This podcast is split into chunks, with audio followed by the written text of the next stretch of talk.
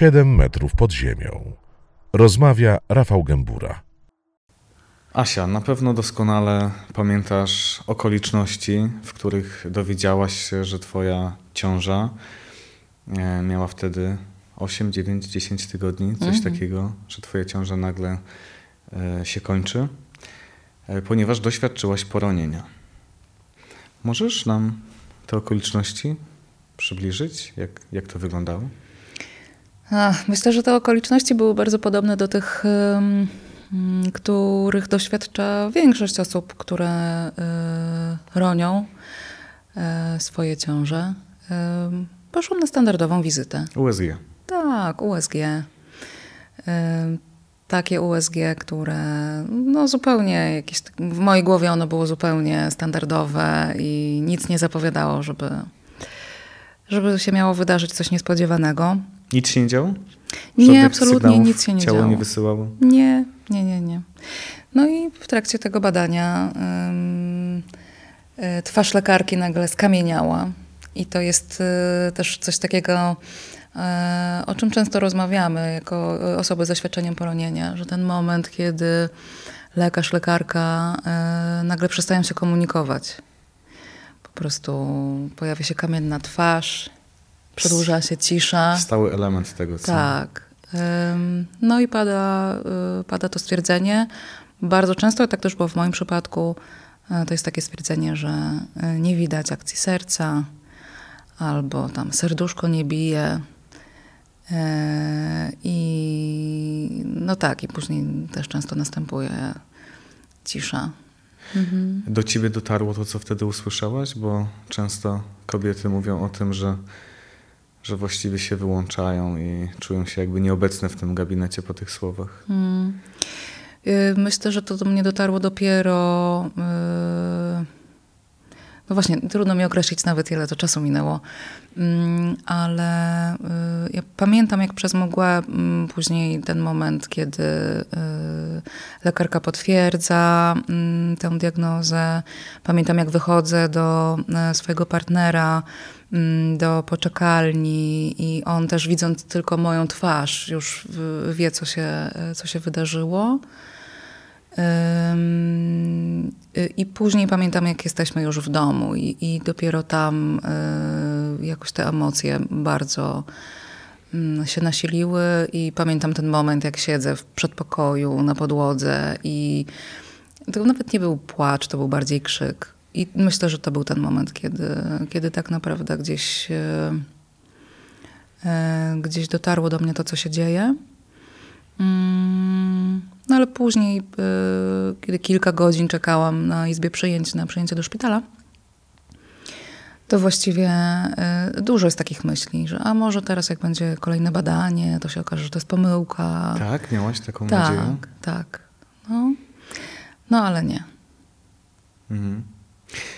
Co działo się później? Jak e, przebiega e, takie poronienie? Bo, bo może być mhm. różnie. Tak. Tych opcji jest kilka. Mm, nie każde poronienie jest tak zwanym poronieniem zatrzymanym, czyli właśnie takim bezobjawowym, gdzie dowiadujesz się o obumarciu ciąży w trakcie badania mm, USG.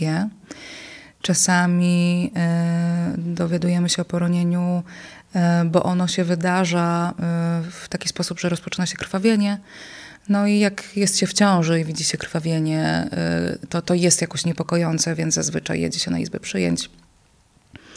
I tam czasami y, no właśnie pada taka diagnoza, że, y, że to jest poronienie. Natomiast bardzo często w większości przypadków jest tak, że to jest poronienie zatrzymane, co oznacza, że nie daje ono żadnych objawów. Dowiadujemy się o tym dopiero w trakcie badania USG. E, dostajemy diagnozę e, mm, ciąży obumarłej, czy obumarcia ciąży.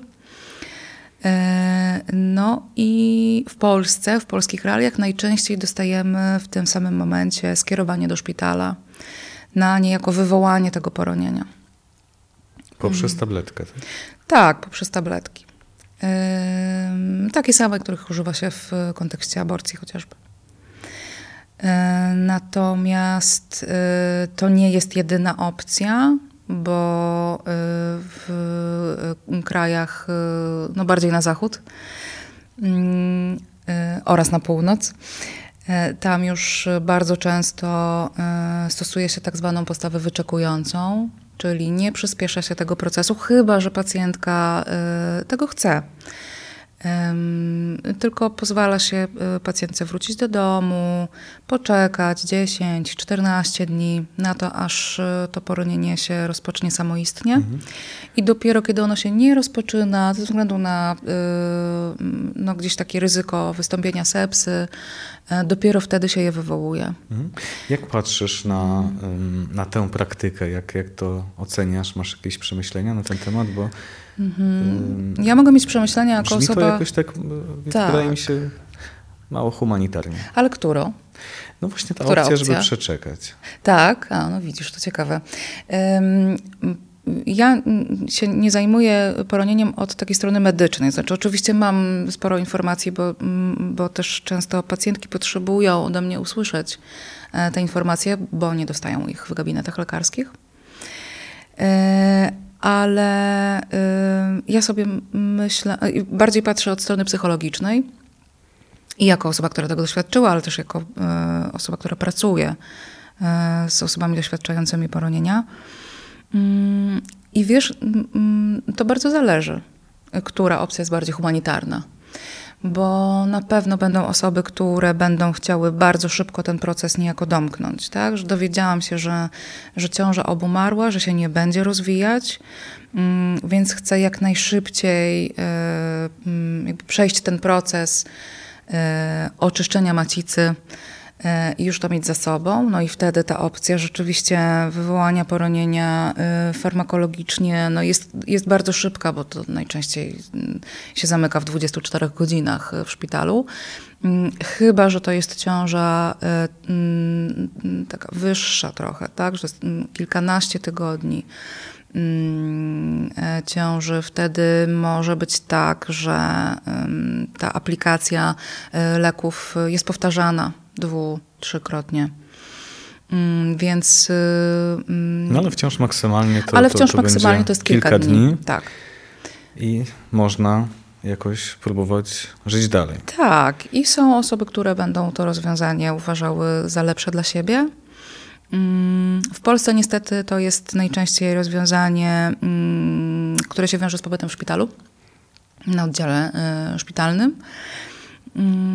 Niestety, to pewnie później rozwiniemy, dlaczego niestety. E, w innych krajach e, to może wyglądać też tak, że osoba dostaje tabletki e, i po prostu może je sobie zaaplikować samodzielnie w domu, w zaciszu własnej łazienki, sypialni, cokolwiek mhm. wybierze.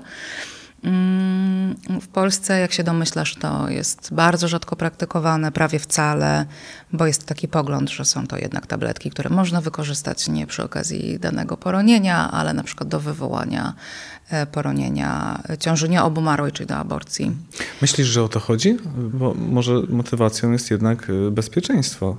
Mhm. No, myślę, że dla niektórych osób może to być taki pomysł, natomiast e, wiemy, że taka, takie farmakologiczne wywołanie poronienia jest, jest bezpieczną formą. Tak? Bardzo rzadko jest potrzebna później e, jakaś dodatkowa interwencja medyczna. E, natomiast e, będzie też sporo osób, dla których i to jest też takie stwierdzenie, które często się pojawia w naszym badaniu. Mm, ten proces jest w takiej formie zbyt szybki. Że jakoś właśnie to jest trochę to, o co ty zapytałeś, że na którym etapie do mnie w ogóle dotarło, że to się wydarzyło. Mhm. I e, u mnie to zajęło kilka godzin, e, zanim się skontaktowałam ze swoją wiedzą i, i jakby zaczęłam y, trochę inaczej y, myśleć i funkcjonować, ale w przypadku osób, które nie pracują w tym obszarze, y, no to może zająć kilka dni, a nawet tygodni, więc Mm, dla niektórych osób ten czas, kiedy um, mogą jeszcze mieć to dziecko, zarodek, tak jak, tak, tak jak to sobie e, postanawiają nazywać e, tę sytuację mm, w sobie i mają możliwość takiego pożegnania, e, gdzieś mm, tak, no chyba tak, po prostu pożegnania, mhm. takiego oswojenia się z tą sytuacją mm, i bardziej na swoich zasadach, w swoim własnym tempie e, domknięcia tego procesu, dla wielu osób to będzie e, bardziej korzystne. Też pod takim kątem, e, mm, no z jednej strony często medycznym, bo mm, Mówi się na Zachodzie już o tym bardzo dużo, że to samoistne oczyszczenie się organizmu jest no, dużo mniej inwazyjne oczywiście. Ale też pod takim, pod takim kątem psychologicznym. tak. Mhm. No. Nie dla wszystkich, to no zawsze tak, to jest, to zależy. zależy od, od kobiety z mhm. całą pewnością. Tak. Ale najczęściej z tego, z tego, co mówisz, wynika, że, mm, że najczęściej to są tabletki, tak, w Polsce? E, tabletki plus łyżeczkowanie, które z jakiegoś powodu w Polsce jest e, mm, wykonywane no, właściwie w standardzie, czego się na Zachodzie nie robi za bardzo. Okay. No dobrze, to, to, to powiedz mi, co, co dalej w, w takiej sytuacji. E, otwiera mi się tu temat e, języka. Nie wiem dlaczego, bo, mm, bardzo słusznie. bo mhm. kiedy przecież e, kobieta idzie na USG, to, to zdarza się, że, że słyszy od lekarza, mm, no zobaczymy, co tam słychać u dziedziusia na przykład. Tak. Mm, a, a teraz chcę zapytać Cię o to, co, co z tym materiałem genetycznym, -hmm. co z tym mhm. zarodkiem, co z tym płodem. Nie wiem właściwie, jakiego słowa mam użyć, no ale to jest chyba ważne pytanie. Co się z tym dzieje? To jest y, bardzo ciekawe, y, że, że zwróciłeś uwagę na, na język, bo mm, i że mm, właśnie powiedziałeś o tym dziedziusiu, że, mm, że często jest tak. Ja mam wrażenie, że y, lekarze i lekarki e, gdzieś się powstrzymują do któregoś momentu, e, do któregoś tygodnia ciąży E, z używaniem takiego języka. E, przynajmniej te osoby, które rzeczywiście miały wcześniej takie sytuacje, że stwierdzały obumarcie ciąży i, no i musiały się jakoś wycofać e, z tego stwierdzenia, bo mm, zazwyczaj to jest jednak, że nie widać akcji serca albo ta ciąża obumarła, a nie ma, że no tutaj jakby E, dzidziuś nie żyje, tak? Jakby nie mhm. spotkałam się jeszcze, z, żeby ktoś użył takiego określenia. Mm, więc myślę sobie, że też tak trochę mm, zabezpieczając się przed, przed taką nagłą zmianą nomenklatury, e, też lekarze i lekarki gdzieś na tych wczesnych etapach ciąży nie, mm, nie używają takich określeń. Co nie oznacza, że nie robią tego matki czy rodzice w swoich głowach. No i wszyscy bliscy. No i wszyscy bliscy, tak, oczywiście.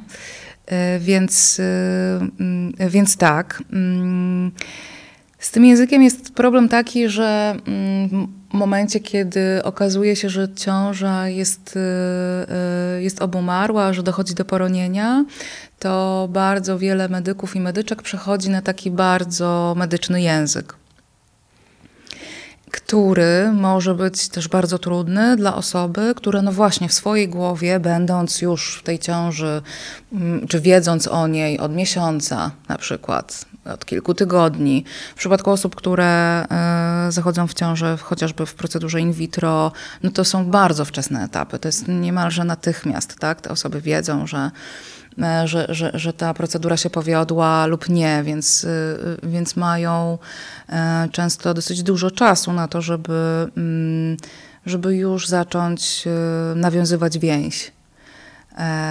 I żeby już o tej swojej ciąży myśleć jako właśnie takim potencjalnym mm. dziecku, już sobie jakoś wyobrażać, wyobrażać sobie siebie jako rodzica. Ciężko chyba uciec całkowicie mm. od takich myśli. No, jeśli Myślę, tak. jest to w sferze czyichś marzeń, to, to jest chyba absolutnie naturalne. A tu nagle pojawia się ten język, y, tak jak y, zauważasz, medyczny, chłodny, mm. techniczny. Mm, no i y, trzeba się z nim zderzyć. Tak, i, y, tak, to jest dobre słowo, to jest zderzenie. To jest zderzenie.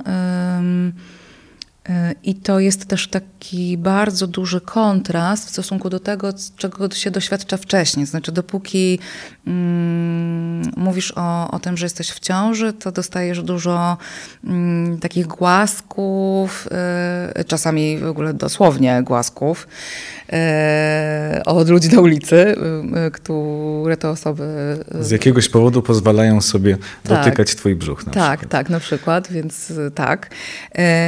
I, I to jest ogromny kontrast, gdzie z godziny na godzinę nagle się okazuje, że, że już nie jesteś w ciąży, więc ani nie jesteś traktowana jako osoba e, ciężarna, o którą tam się trzeba jakoś troszczyć i, i dbać o nią, mm, ale też nagle twoje dziecko e, no, jest traktowane e, też w zupełnie inny sposób. Tak? Właśnie bardzo często jako odpad medyczny, mhm. jako coś, co trzeba wydalić E, i czy tam już coś wyleciało, tak? A kiedy ty, położne, kiedy ty tak. o tym odpadzie myślisz inaczej, tak. Też jesteś oceniana, oceniana jako ta, która trochę przesadza. Tak, oczywiście, że tak. Mało tego, e, no, bardzo wiele mm, osób e, doświadczając trudnych emocji w kontekście swojego poronienia, jest na przykład na oddziale szpitalnym traktowanych jak, jak histeryzujące.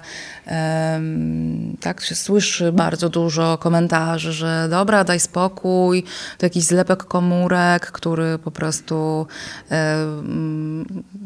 no, musisz wydalić ze swojego organizmu, tak? Trzeba no tak. oczyścić matcicę. Nie ma nad czym płakać. Tak, nie ma nad czym płakać. E, za trzy miesiące będziesz w następnej ciąży. Tak jakby to było zamienialne, no nie? Albo właśnie w domu czeka na ciebie dziecko, na tym się skoncentruj. Mhm. To nie jest fair, to nie jest okej. Okay. To trzymając się już tego medycznego języka, yy, powiedz mi, co się dzieje z tym odpadem medycznym? Jak to się odbywa w Polsce? Mhm. Yy, ale chcesz usłyszeć, co się dzieje po tym, jak kobieta przekaże yy, ten materiał do no różnie do położnej. No pewnie, pewnie nie wszystkie wiedzą o tym, że, że taki mhm. materiał można na przykład oddać do badań tak. po to, żeby poznać przyczynę, Niestety. dlaczego doszło do poronienia. Przyczyna jak przyczynę, bo to często, yy, często się tej przyczyny nie udaje poznać. Mhm. Ale można na przykład mm. ustalić płeć w ten sposób, można jeśli ktoś ma takie, płeć, takie a... życzenie. Więc tak. jakie są opcje? A dzięki poznaniu płci to ważne, wiesz, bo mhm. powiem, bo o tym y, niestety pacjentki bardzo często się nie dowiadują. Nasze badanie pokazuje, że w mniej więcej 70% osoby o tym nie wiedzą. Mhm. To, to, badanie, o którym mówisz, tak. E, zdanie kontekstu, to jest badanie, jakie przeprowadziła twoja fundacja. Tak. E, która przebadała 1500 e, mniej więcej tak, prawie kobiet, 1500 które doświadczyły poronienia. Osób, osób kilka osób się nie identyfikowało jako kobiety okay, w badaniu. jasne. Mhm. Mhm. E, tak, prawie 1500 osób, które doświadczyły poronienia w Polsce. E, badanie zadawało pytania o doświadczenia, ale też o potrzeby. Co było i jak, jak, przebiegało poronienie, właśnie która opcja została zalecona przez lekarza czy lekarkę, e, jak przebiegał pobyt w, na oddziale szpitalnym i wcześniej w gabinecie lekarskim, jak, jak to się wszystko odbywało, co było ok, co nie było ok, czego brakowało, a co było pozytywne. Mm. No i y, z tego badania y, między innymi wynika, że bardzo często jest takie niedoinformowanie, które wpływa na to, że no po pierwsze ten proces jest bardzo trudny też emocjonalnie, bo, y, no bo jeśli nie wiesz, co się będzie z tobą działo, nie ma takiego poczucia, że warto byłoby uprzedzić pacjentkę, co się będzie działo z jej ciałem, jakim procedurom będzie podlegać i dlaczego, ile to wszystko będzie trwało, jaki, jaka może być skala bólu i że może dostać y, wsparcie w postaci leków przeciwbólowych na przykład. E, no to mm, to mam wrażenie, że nawet gdyby to dotyczyło, nie wiem, usunięcia migdałka, tak, to byłoby stresujące. Mm, a w przypadku mm, tak newralgicznego momentu bardzo często, bo znowu też nie zawsze, tak? Umówmy się, że nie każda osoba będzie doświadczać jakichś bardzo trudnych emocji, to też jest ok.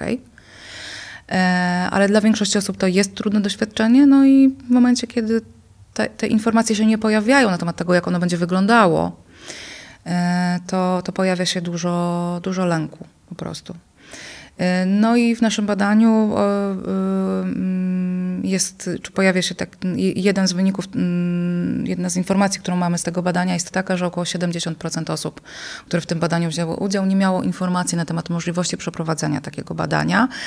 E, a te, które miały możliwość, to w sumie nie wiedziały, po co by miały to badanie przeprowadzać. Mhm.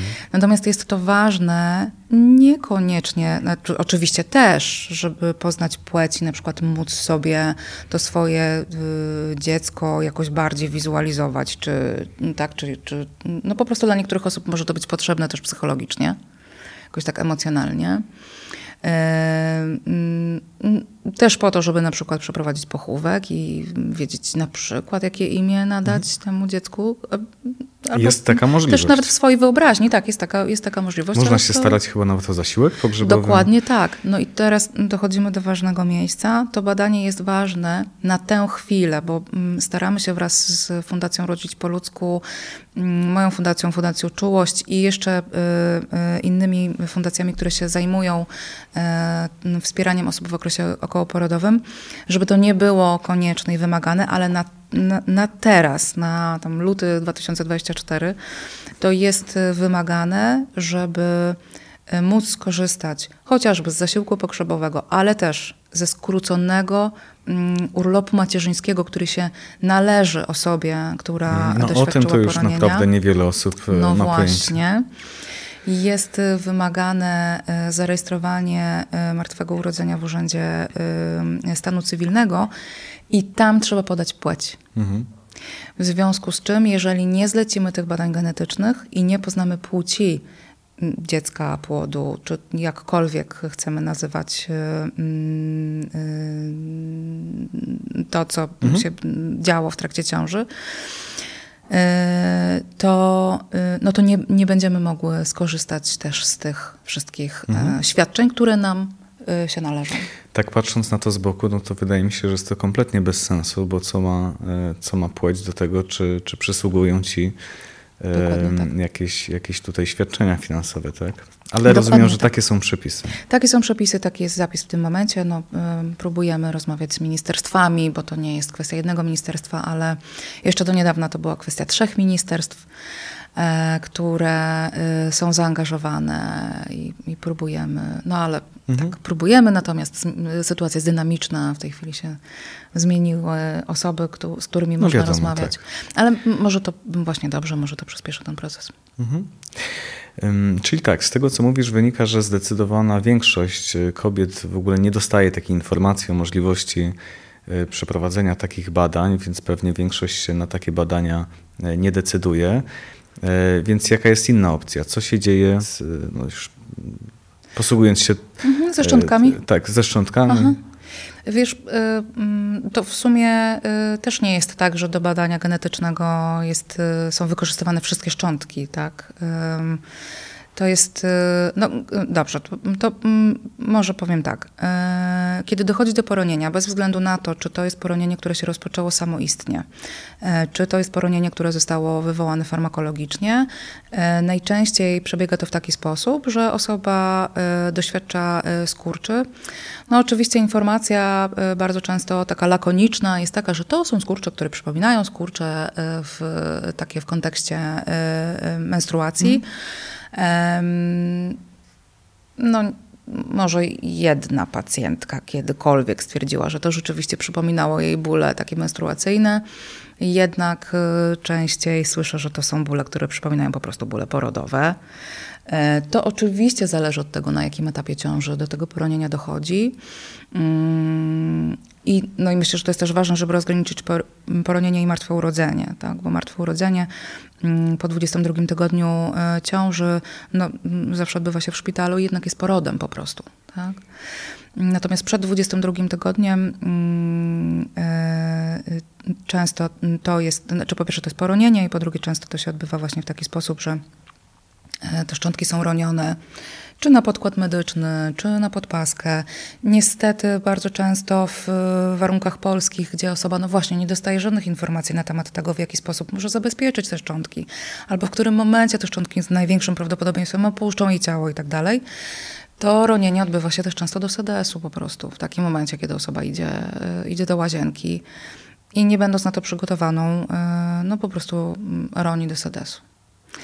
E, I, e, no i tak to wygląda że te szczątki są często odławiane, czy właśnie z podkładu medycznego, czy z, czy, czy, czy z tej podpaski, e, czy no czasami z sedesu.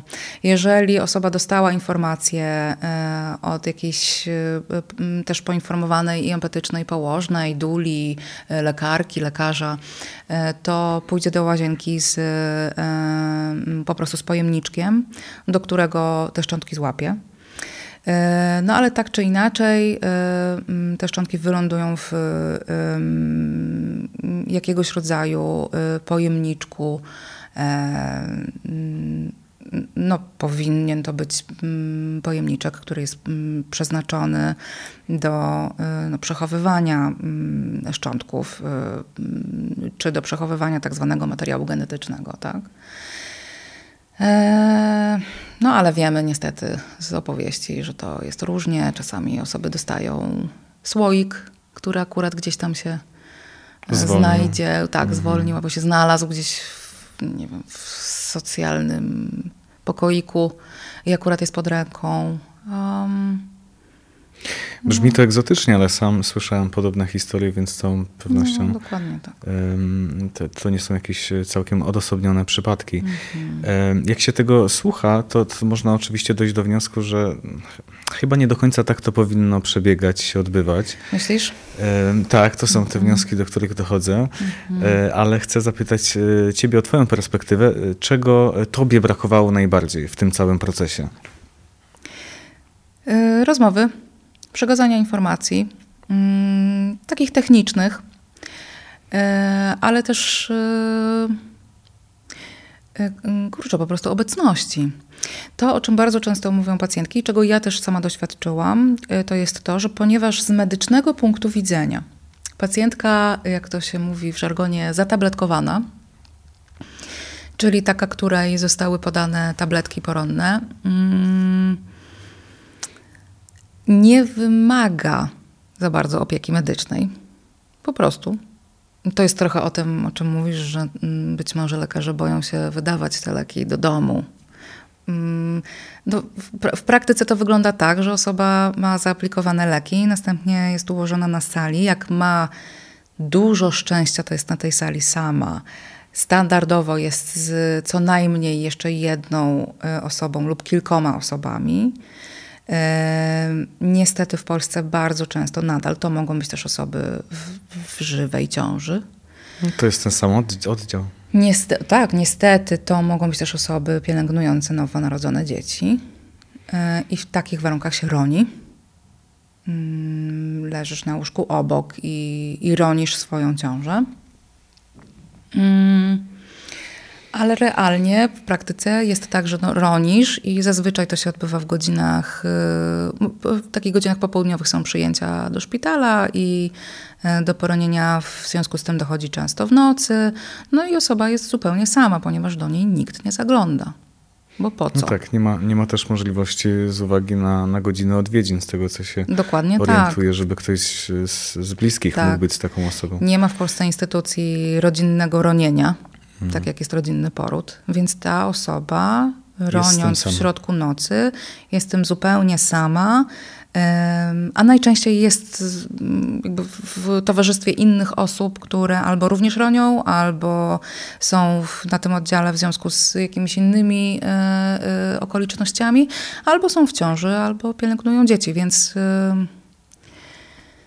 tak. Y, no i najczęściej jest taka opowieść, że jeżeli pojawia się położna y, lub pielęgniarka, no to najczęściej jest pytaniem, czy już tam coś wypadło, mm, tak, czy nie. Mhm. Y, I tyle. Tak. Na tym ta uwaga się czasem no kończy. Tak. Asia, a jak ty to powiedz emocjonalnie dźwignęłaś? Różnie mm, kobiety przeżywają doświadczenie poronienia. E, często wiem też o tym, mm, takim wspólnym doświadczeniem kobiet jest po prostu niestety poczucie winy. Jak to e, wyglądało w Twoim przypadku? Hmm, jak ja to dźwignęłam emocjonalnie? Um, przede wszystkim nie dźwigałam tego sama. I to jest y, jakiś najważniejszy element tego, y, jak y, można sobie pomóc z poradzeniem sobie w takiej sytuacji. Mm, sięgnąć po wsparcie. I wcale nie mówię tutaj o wsparciu y, takim profesjonalnym, chociaż oczywiście to też jest dostępne i powinno być dostępne na oddziale szpitalnym również. I poza tym szpitalem, ale w ramach współpracy szpitala z psychologiem. Y, ale y, na pierwszej linii i jako najważniejsze jest zawsze to wsparcie społeczne. A więc osoba partnerska, a więc przyjaciółka, y, mama, y, teściowa, y, jakakolwiek osoba, z którą ja się czuję dobrze, która jest w stanie mnie wesprzeć w taki sposób, który mnie wspiera, bo oczywiście są różne formy wspierania i niektóre wcale nie wspierają, chociaż nam się wydaje, że świetną robotę wykonaliśmy, mm. mówiąc komuś, że spoko, nie przejmuj się, dobrze, że teraz będzie następne, albo już tam jedno masz w domu. Skup się na nim. Tak, na nim się skup. Um, więc y, że to było najważniejsze, co, co mi pomogło. To to, że dźwigałam ten, tę sytuację wspólnie z moim partnerem. Y, I byliśmy w tym doświadczeniu razem na tyle, na ile to było możliwe, no bo tak jak mówiliśmy, to chociażby na oddziale szpitalnym nie jest możliwe za bardzo. No i pewnie też pomogła mi no, taka wiedza z zakresu psychologii, różne techniki e, terapeutyczne, które no, polecam swoim pacjentkom, więc y, mm, okazuje się, że czasami ten szewc też może w te buty mhm. jakoś wejść i skorzystać e, z tych umiejętności.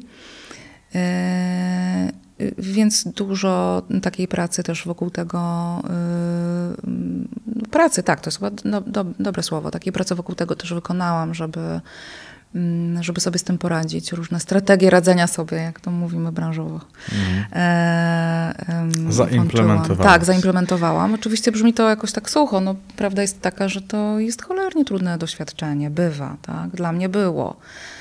E, to była moja pierwsza ciąża. Mm, nie byłam przygotowana, y, nie brałam pod uwagę, jak myślę sobie bardzo wiele osób, że coś się może wydarzyć, bo byłam jeszcze względnie młodą osobą, bardzo o siebie dbałam. E, ciąża chciana, wyczekana? Y, y, ciąża chciana. Trochę wyczekana, trochę zaskakująca, ale, ale mhm. tak, generalnie, generalnie no, była dla nas powodem do bardzo dużej radości. Mhm. Mm, no twoi, bliscy, tak. twoi bliscy wiedzieli, że ty jesteś w ciąży? Pytam o to dlatego, że mhm. myślę, że takim dużym wyzwaniem, z jakim spotykają się y, osoby, które doświadczyły poronienia, no są te pytania, które się przecież muszą pojawić. Mhm. Y, jak tam dzidziuś i, i, i tak dalej. Tak. Tak, to jest trudne. Myślę, że ze względu na tę trudność w m, później takiej potrzebie powiedzenia, no jakby już nie jestem w ciąży, tak? E, często właśnie się nie mówi o, o, o tej wczesnej ciąży. E, my mówiliśmy.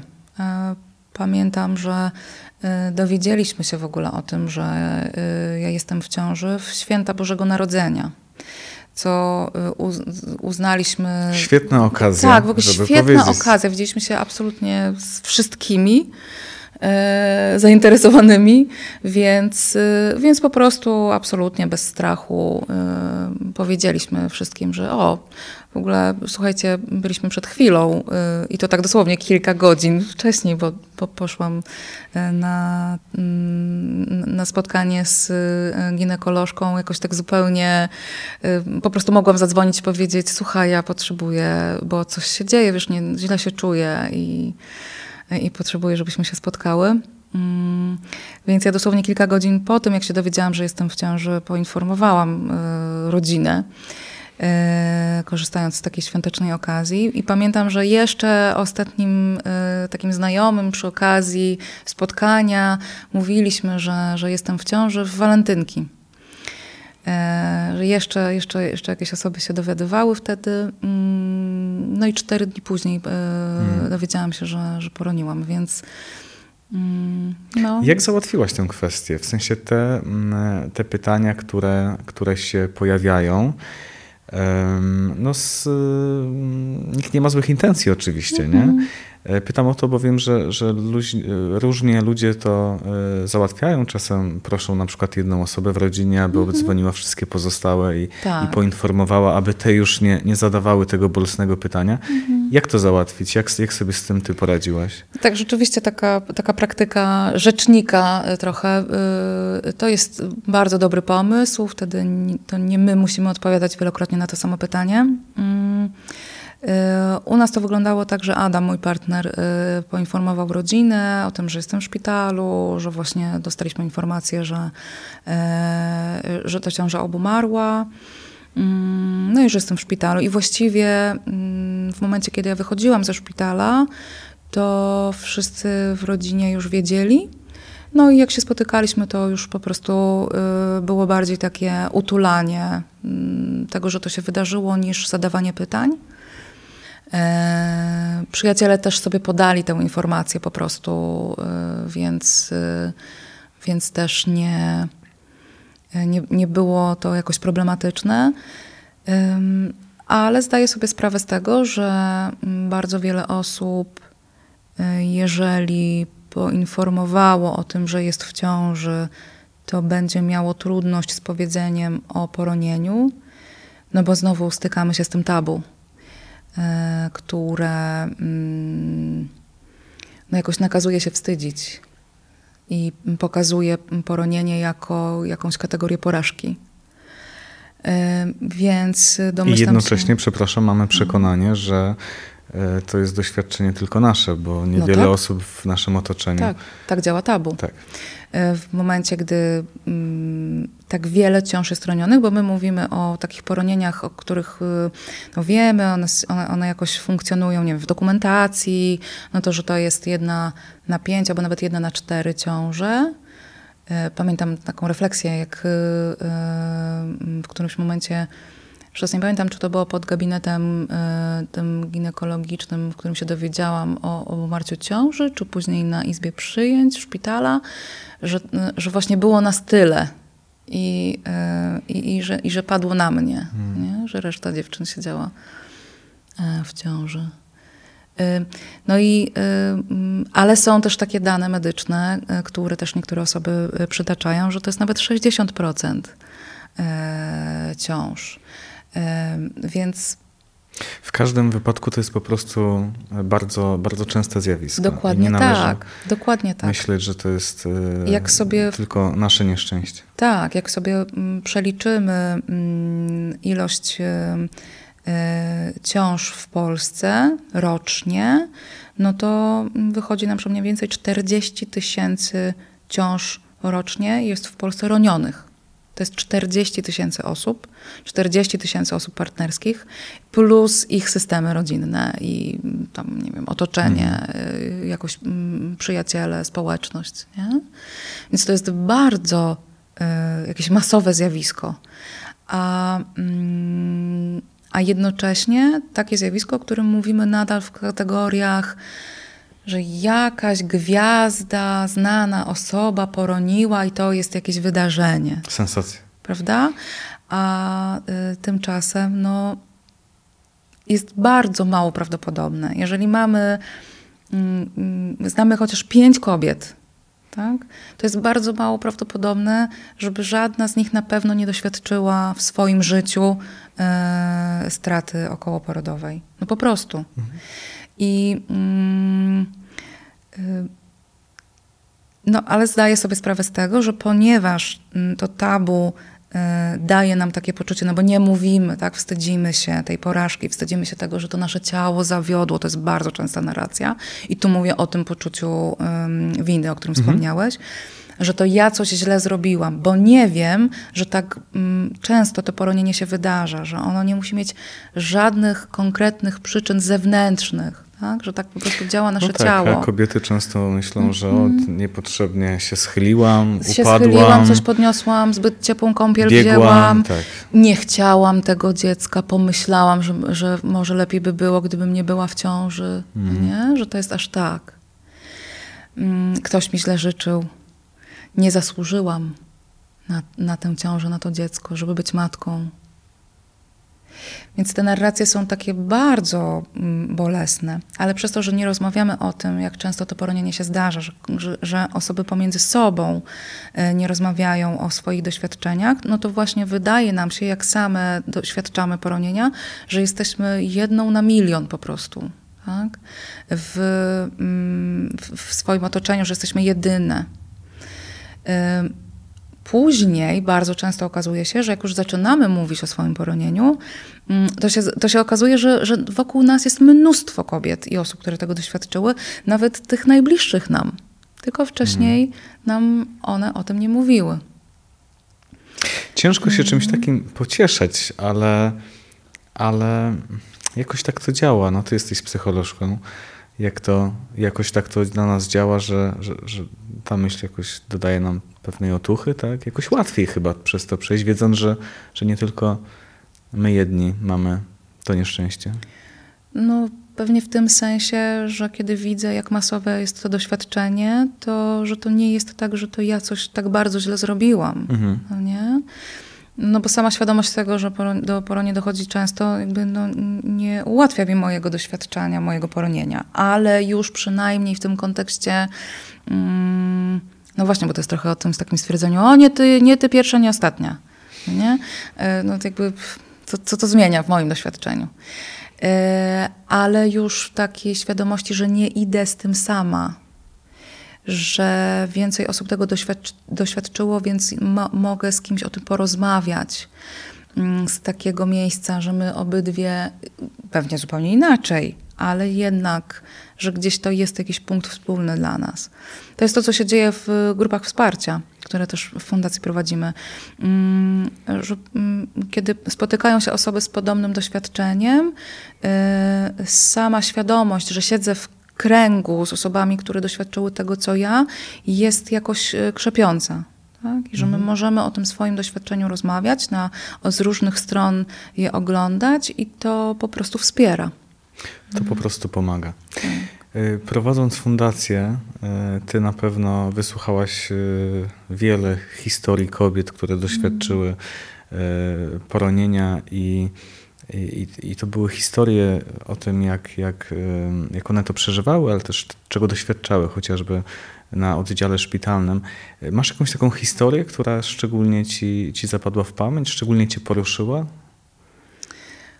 Nie chciałabym jednej historii opowiadać, bo mm, oczywiście y, y, ta historia, którą opowiadam, moja, ona, y, ja to robię z pełną świadomością i premedytacją wręcz, natomiast historie pacjentek jednak zostają w gabinecie albo w ich anonimowych ankietach e, i jakimiś tylko fragmentami e, za ich pozwoleniem e, mogę się dzielić. To jakiego typu historie cię najbardziej mm. dotykają? E, wiesz, niestety bardzo często opowieść o doświadczeniu poronienia to jest opowieść o samotności, o bólu e, i o wielkim lęku jakimś takim niezrozumieniu. E, najczęściej to są historie, które mm, są o tym, że w momencie, kiedy okazuje się, że e, moja ciąża obumarła, nagle mm, lekarz, lekarka, e, położna, pielęgniarki przestają nawiązywać kontakt wzrokowy zaczynają się posługiwać właśnie jakimś takim językiem, który kompletnie nie pasuje do tego świata wewnętrznego tej osoby doświadczającej tej straty. Nagle to są osoby, które nie zasługują na podanie im leków y, przeciwbólowych, które można zostawić same jak palec y, mm, na jakiejś sali i, i po prostu nie przychodzić na wezwania. To są osoby, które doświadczają bardzo często ogromnego lęku, widząc krwawienie, które postępuje, nie wiedząc, czy to jest ok, doświadczając bólu, skurczy e, towarzyszących e, e, ronieniu. To są osoby, które bardzo często słyszą jakieś komentarze na temat swojego zachowania, że właśnie albo przestań histeryzować, przecież się nic nie stało, albo też mm, tak jakoś zostało ze mną to stwierdzenie, e, przestań się wydzierać, e, to są inne osoby, które chcą spać. Mm. Jakie to empatyczne. Prawda? To są historie, kiedy każe się tym pacjentkom, które właśnie ronią, sprzątać toaletę, bo, bo zabrudziły krwią podłogę czy, czy sedes to są takie historie, gdzie e, zawstydza się kobietę, która poroniła do sedesu i nie wiedziała, że być może powinna w jakiś sposób odłowić e, te szczątki po to, żeby właśnie wykonać to badanie genetyczne. To są historie, gdzie osoba jest kierowana na łyżeczkowanie i jeszcze zanim e, zaśnie pod wpływem znieczulenia, to jest przywiązywana do fotela i widzi to, gdzie nad jej głową toczą się jakieś opowieści bardziej i mniej śmieszne takie, które toczą, są, są toczone przez personel medyczny. No zupełnie inny temat czasem. Tak, oczywiście, albo na jej temat. Albo na ten temat. To są historie o totalnym braku poszanowania, jakiejś godności, intymności, gdzie absolutnie bez jakiejkolwiek refleksji jest, y, są odsłaniane kołdry, prześcieradła, Osoby są, no właśnie, przygotowywane do zabiegów, e, e, rozebrane i nikomu nie przychodzi do głowy, żeby, żeby jakoś zadbać o ich takie, taką po prostu podmiotowość w tym całym procesie, nawet jeżeli wchodzi właśnie tabun studentów. To jest kompletny brak pytań o potrzeby, brak zwracania uwagi na emocje. No chyba, że właśnie stwierdzenie, że jest ich za dużo, one są generalnie jakoś niewłaściwe i przeszkadzają. No patrz, a później wszyscy się zastanawiają, dlaczego Polki nie chcą rodzić dzieci. Tak. Mm, mam wrażenie, że bardzo wielu osobom wydaje się, że e, sytuacja poronienia czy straty okołoporodowej jest w jakiś sposób wyekstraktowana z całości doświadczenia mm, macierzyńskiego kobiety. Że to się w jakiś sposób, nie, nie, nie, że tutaj poronienie, a tutaj poród i to się jakoś nie łączy. Albo jeszcze, e, jeszcze bardziej, że doświadczenie poronienia, a tutaj e, zaburzenia lękowe, depresja, PTSD i co za tym idzie, choroby somatyczne również, że to się jakoś nie łączy. Otóż łączy się bardzo, E, I niestety wiemy, że osoby, które doświadczają poronienia, mogą chociażby ze względu właśnie na zaburzenia lękowe czy depresję, mhm. rzadziej decydować się na, e, e, na kolejne próby, na kolejną ciążę. Jasne, że tak. Mm, wiemy też, że poronienie wielokrotnie zwiększa ryzyko wykształcenia objawów, czy to depresji, czy zaburzeń lękowych, czy właśnie PTSD. Wiemy, że osoby, y, które doświadczają poronienia i później na przykład sytuacji przemocy położniczej na oddziale mm, szpitalnym, czy w ogóle jak jakiegoś złego, mało empatycznego traktowania w szpitalu, e, później będą miały o wiele większy dystans do tego, żeby korzystać w ogóle z opieki e, zdrowotnej, nie wspominając no, właśnie o takiej sytuacji, kiedy mm, one już wiedzą, że sytuacja mm, kolejnego poronienia albo porodu będzie sytuacją, w której będą niejako zdane na siebie. Więc y, no tak, zdecydowanie to się mhm. wszystko łączy. To jest doświadczenie jednej osoby i nie ma osobnych szufladek w jej y, i organizmie, i, i, organizmie, i umyśle na, na to, że to było doświadczenie poronienia i tam było tak, ale jak pójdę, pojadę do porodu, to będzie świetnie. Mhm. No daje to wszystko mocno, mocno do myślenia. Się bardzo Ci dziękuję, e, że e, miałaś chęć podzielić się swoją historią. Dziękuję, że podniosłeś ten temat, że mm, pomagasz nam e, zwalczać to tabu, bo ono jest zupełnie niepotrzebne. No, nie tylko Wam, to także moje doświadczenie, więc mhm. jedziemy na tym samym wózku. Dzięki wielkie.